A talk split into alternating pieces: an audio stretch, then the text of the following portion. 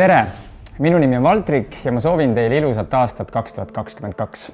ma tahan alguses viia teid ajas päris palju tagasi, aastasse tuhat üheksasada üheksakümmend seitse. ma olin väike poiss, ma olin käinud jalgpallitrennis umbes aasta aega, aga mul oli vaja jalgpalli jalanõusid, putsasid aga kuna minu peres ei olnud väga palju raha, et osta need putsad, siis me läksime minu emaga koos Tallinnast Viljandisse, kus pidi olema mingisugune turg, kus peaks olema mitu korda odavamalt need kasutatud putsad müügil me sõitsime siis emaga koos sinna Viljandisse, aga kui me sinna jõudsime, me saime aru, et seal turul ikkagi lastele putsasid pole. ma olin seal Viljandis, ma olin väga kurb väikse poisina ja ma sain aru, et ma ei saagi vist endale neid jalgpallijalanõusid. aga siis juhtus midagi väga ootamatut. mu emal oli sularaha koos pangakaardil oleva summaga täpselt nii palju, et me saaks osta spordipoest täitsa tutikad, ma mäletan Umbro putsad ja tal jäi üle veel mõnikümmend krooni, kui me olime selle ostu ära teinud, et saaksime süüa osta ma olin sel hetkel üliõnnelik, aga ma ilmselgelt täna oleks sellest otsu, ostust keeldunud, teades, mida see meie pere rahakotile ja antud olukorrale tähendas. aga ilmselgelt lapsena ma mõtlesin ainult oma putsade peale. see lugu on tegelikult palju pikem, aga igatahes olukord läks edasi nii, et meil pidid olema mingid tuttavad, kes pidid meile raha andma, et me saaks õhtul bussiga koju minna, aga me ei, me ei saanud neid tuttavaid mitte kuidagi kätte ma mäletan, kuidas me see, see lugu lõppes nii, et me olime õhtul hilja ühes kõhedas pimedas baaris mu emaga ja meil polnud mitte midagi nagu teha. ja, ja lõpuks see lugu sai sellise lõpu, et äh, see, selle baari äh, töötaja kuulas seda olukorda ja, ja pakkus meile oma kodu öömajaks. ja, ja ta lisaks veel andis mu emale raha, et me saaks hommikul bussiga koju sõita. ma sain veel hommikul oma jalgpallimängule ja see oli täiesti ootamatu, kuidas äh, me, see olukord lõppes. see, mida, mis juhtus lõpuks, see oli minu jaoks väga oodatav, aga see, kuidas see juhtus, see oli väga ootamatu. tuleme tagasi siia aastasse või edasi aastasse kaks tuhat kakskümmend kaks. see aasta toob sinu ja minu jaoks endaga kaasa asju, mida me väga ootame ja toimub ka ootamatuid asju. tahame või ei taha, tõenäoliselt ka neid, mis on ootamatud ja negatiivsed kuna tänase kõnega algab 3D koguduses ka kolmeosaline seeria, mis kannab pealkirja ootused, siis on hea korra ka sellel sõnal peatuda, ootused. esiteks, me peame mõistma olulist asja, seda, et meie igaühe ootused on seotud alati sellega, mida oleme kogenud või näinud või kuulnud. näiteks keegi, kellel pole terve perekond ehk keegi, kes ei ole kasvanud oma ema-isaga koos üles, siis üldiselt ei ole sellel inimesel liiga kõrgeid ootusi selles osas, et, et tema ise oma tulevase naise või tulevase mehega kokku tingimata jääb, sest ta pole näinud oma elus tervet peremudelit. teistpidi, kui keegi kasvab näiteks väga terves, armastavas peres, siis on väga ootamatu sellise peres kasvava lapse jaoks see, kui ta kuuleb või näeb katkisest, tülitsevast, probleemsest perest. sest tema jaoks on see midagi ootamatut, on kogenud, näinud ja kuulnud midagi täiesti muud või ma toon äh, meid paljusid puudutava näite. kahjuks on väga võimalik, et sul võib täna olla mingi sõltuvus või halb harjumus, millest sa pole tänaseks suutnud lahti saada. küsi enda südames iseendalt praegu ausalt, kas oleks sinu jaoks ootamatu, kui sa saaksid aastal kaks tuhat kakskümmend kaks sellest halvast harjumusest või isegi sõltuvusest lahti? võib-olla su ootus pole kõrge, sest äh, sa pole muutust näinud juba päris mõnda aega. aga ma usun, et see juhtub. piibel on täis ootamatuid lugusid ja, ja meil on jäänud selja taha alles paar nädalat tagasi jõulude aeg, kui tähistasime Jeesus Kristuse sündi. jumala kogudusena tähistasime tema sündi, kes on meie jaoks kuningate kuningas, kes on Jumala poeg, kes on saadetud siia maailma, et võtta enda peale kõik meie süü, meie häbi, meie valu, meie patt. selleks, et sinul ja minul saaks olla elu ma võiksin täna terve tänase kõne rääkida sellest, et see beebi, kes sündis, oli tegelikult juutide poolt tuhandeid aastaid nii väga oodatud. juudid ootasid väga, et tuleks kuningas, kes valitseb üle kõige. ta tuligi. aga see, millisel kujul Messias tuli, oli, oli liiga ootamatu, et lõpuks oli paljudel seda raske uskuda ja sellega ei suudetud kohaneda ja pole paljuski suudetud siiamaani. kahjuks on ülejäänud maailmal seesama probleem kui me vaatame maailma, siis olete minuga, ma usun, nõus, et, et see maailm on täna tasakaalust väga väljas. maailm ei ole ühel meelel, peaaegu ükskõik, mis küsimus päevakorda tuleb, see lõhestab maailma, see lõhestab neid inimesi, meie suhteid.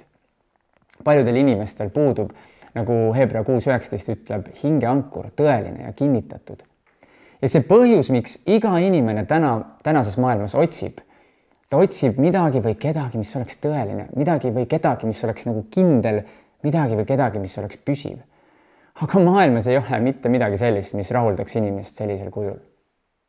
ning mis juhtub, on see, et enamjaolt inimesed jäävadki katsetama, inimesed jäävadki otsima minu jaoks oli enne kristlaseks saamist selleks äh, näiteks suhted vastassugupoolega mul oli selline arusaam, et suhe teise inimesega, see on parim asi, see on kõige olulisem asi, sest see peaks tekitama minu, minule selle stabiilsuse, selle kindluse, püsivuse.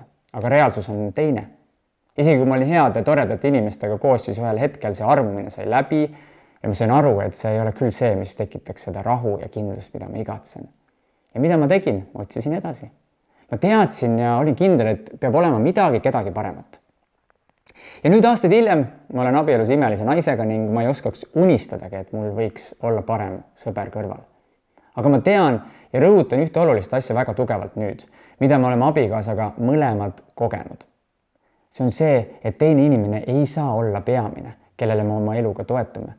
ma ei saa sellist ootust panna teisele inimesele ning keegi ei tohiks seda panna ka minule, et mina olen tema elus kõige-kõige tähtsam, sest me oleme inimestena puudulikud ja inimene ei ole võimeline sellist rolli täitma. ma toon ühe hea näite, minu jaoks väga olulise näite, mida olen kogenud kõige enam just oma abikaasaga. kui meil on abikaasaga olnud mingi pinge või mõnikord ka tüli, tänu jumala harva, siis äh, meie, kui meie tuli, tüli jõuab sellise kõrghetkele nii-öelda, siis, siis me ei karju üksteise peale, mõnikord on küll hääle tõstmist olnud, aga juhtub see, et me jääme mõlemad lihtsalt vait, ruumis on täielik vaikus. ma usun, et meist paljud on sellises olukorras olnud. mis selles olukorras toimub?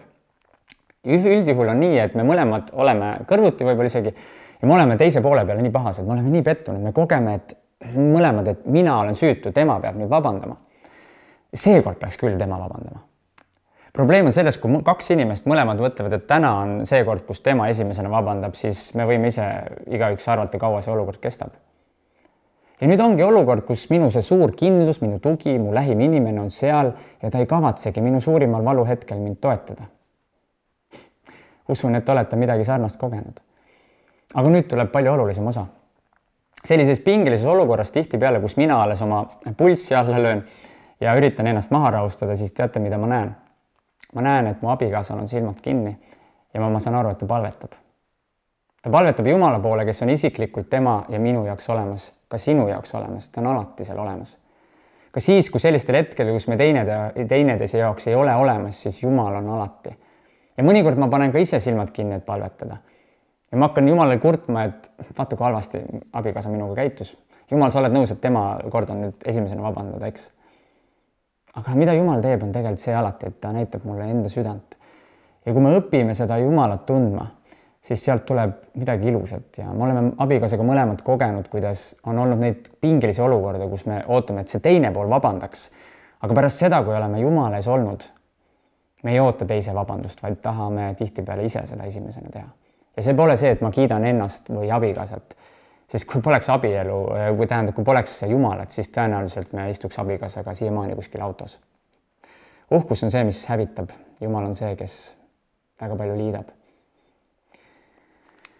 ma tahan tuletada meelde, et meie ootused sõltuvad meie kogetust, nähtust, kuuldust, aga tuleb arvestada, et viimased kaks aastat on maailm olnud väga teistsugune ja kindlasti ei saa mitte keegi öelda seal teisel pool ekraani, et maailmas toimuv tekitab mulle turvatunnet.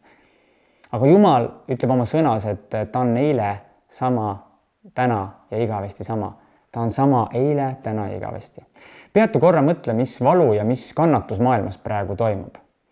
maailm, mis äh, on ebastabiilsem võib-olla kui kunagi varem. see maailm hüüab äh, kellegi poole, kes oleks stabiilne ja meie Jumal ütleb, ma olen sama eile, täna, igavesti. Kui vaadata veel, millise rahutusega inimene, inimkond tuleviku suunas vaatab, siis ma usun, et olete minuga nõus, et maailmas on asjad pigem kehvasti. aga miks see on nii? me elame langenud maailmas. ma tahan lugeda teise Korintuse neli, kuusteist kuni kaheksateist. seepärast me ei tüdi, vaid kuigi meie väline inimene kulub, uueneb seesmine inimene ometi päev-päevalt sest see praeguse hetke kerge ahistus saavutab meile määratult suure igavese au. Meile, kes me ei pea silmas nähtavat, vaid nähtamatut. sest nähtav on mööduv, nähtamatu, aga igavene. maailm vajab Jeesust. mina tahan olla kursis, mis maailmas on teemaks, ma tahan omada ühiskonnas olulistel teemadel seisukohta, ma tahan olla valmis arvamust avaldama, aga ma tahan hoida oma vestlustes teiste inimestega oma südame fookust Jumala peal, aga see peaks väljenduma ka minu igas vestluses ja meie, minu käitumises. Ja sa mõtled võib-olla, et Valtrik, ma tean seda kõike, mis sa mulle räägid praegu. aga mina ütlen jällegist, et, et piibel on küll täis lugusid, mis on väga ootamatud, väga erilised. ma võiks neid täna jäädagi siia jagama. aga mulle tundub, et peamine küsimus täna sellel aastal on see, et mida me kristlastena saame teha, et olla valguseks, et olla maailmas see positiivne ootamatus ja ma küsingi, et mis on minu ja sinu samm selleks? Täna inimesed ei oota sellelt aastalt liiga palju, sest ebastabiilsus on juba tavaks saanud. Jeesus ütleb Matteuse viis neliteist, et teie olete maailma valgus, ei saa jääda märkamatuks linn, mis on mäe otsas. minu sõnum selleks aastaks mulle, sulle on see, et me ei muutuks maailma sarnaseks, vaid oleksime ootamatu muutus ja ootamatu valgus selles maailmas maailm ei vaja ega igatse mingit umbmäärast Jumalat, kauget Jumalat, maailm vajab isiklikku, armastavat, päästvat Jumalat. Ja tänane olukord kinnitab veel enam, et on ainult üks, kes on tee, kes on elu, kes on tõde. see on Jeesus Kristus. ma loodan, et sel aastal ütleb keegi sulle, mul on hirm, sest siis saad sina öelda, et mul on isiklik suhe Jeesusega, kelles pole hirmu ega kartust, sest ta on täiuslik armastus ja see ajab kartuse hirmu välja ma loodan, et keegi ütleb sulle, et kuule, maailm on täiesti ebastabiilne, sest see on sinu võimalus öelda, et aga tead, mul on isiklik suhe Jumalaga, kes on sama eile, täna, igavesti. Sa saad öelda, et ka sinu jaoks on see Jumal olemas.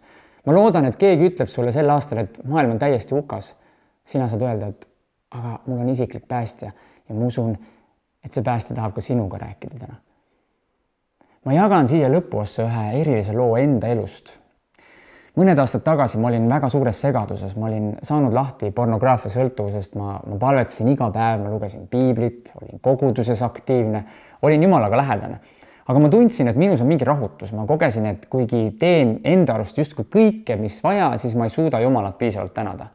ma ei suuda teda piisavalt ülistada, sest minu ülistus on liiga väike ja minu tänu on liiga väike. sest ma olen endiselt vigadega inimene aga tema andis oma ainsa poja süütuna minu eest surma ja mina suudan pakkuda talle nii vähe. ma lugesin piiblit, küsisin Jumalalt vastuseid, ma palvetasin, küsisin Jumalalt vastuseid, kuulasin te selleteemalisi jutlusi, nädalaid olin rahutuses, ma käisin isegi eestpalves. tulemus oli ikka seesama, mitte midagi. ühel koguduse väljasõidul läksin ma pühapäeval, ma jõudsin sinna koha peale, ma tervitasin inimesi ja sel hetkel hakkas üks esimene ülistuslugu pihta ja mu kõrvus ja ekraanil kõlasid read. ei saa sind piisavalt tänada, kuid võin su ligiolus elada, ei saa sind piisavalt tänada, kuid võin su kätel lihtsalt puhata. See sõnum ise ei olnud konkreetselt vastus minu küsimusele, aga sel hetkel voolasid mu pisarad sekundiga perendale ja ma pole, ma olen elus võib-olla paar korda niimoodi nutma puhkenud põhjus oli see, et ma kogesin lihtsaltes ja ilusates lauluridades Jumala silmpilkset puudutust. Jumal ütles, ma olen siin sinuga ja ma tahan öelda, et sa elaksid minu ligiolus ja ma tahan, et sa lihtsalt puhkaks mu kätel. ma ulgusin nagu väike poiss. see vastus minu rahutusele oli midagi, mida ma ootasin, aga see, kuidas see tuli, oli täiesti ootamatu. pühas vaimus võivad asjad väga eriliselt toimuda ma tahan lõpetuseks mitte, mitte midagi kokkuvõtteks öelda, vaid ma tahan lihtsalt palvetada. ja ma palun, et sa sulgeksid silmad, kus iganes või kellega iganes sa oled ja, ja oleks minuga koos palves. isa, ma tänan sind. isa, ma tänan sind, taeva ja maa looja. jumal, sina näed kõige paremini, mis siin maailmas toimub. Issand, meie hüüame sinu poole ja me tahame toetuda kõige enam siin maailmas sinu peale issand, ma tänan, et, et me saame olla maailma valgus. Jeesus, ma palun, et, et me võiksime olla valguseks maailmale, et me oleks valmis ootamatuteks. me võiks ise olla ootamatud kellegi jaoks, Jumal. issand, kui, kui maailm hüüab enda teadmateks sinu poole, siis me võiksime olla need, kes, kes jagavad maailmale rõõmusõnumit sinust. Issand, ma palun, et sa kasutaks meid issand, et me oleksime valmistunud ka, kui, kui tulevad ootamatud asjad meie elus. issand, me täna me saame kogu oma elu toetuda sinu peale. Jeesus, palun, et see aasta võiks olla eriline et seal võiks toimuda erilised asjad. me oleksime valmis ka ootamatuteks teekondadeks. Jeesuse Kristuse nimel. amen. ja nüüd on võimalus sul ekraanil ilmuvaid küsimusi arutada, nii et head arutelu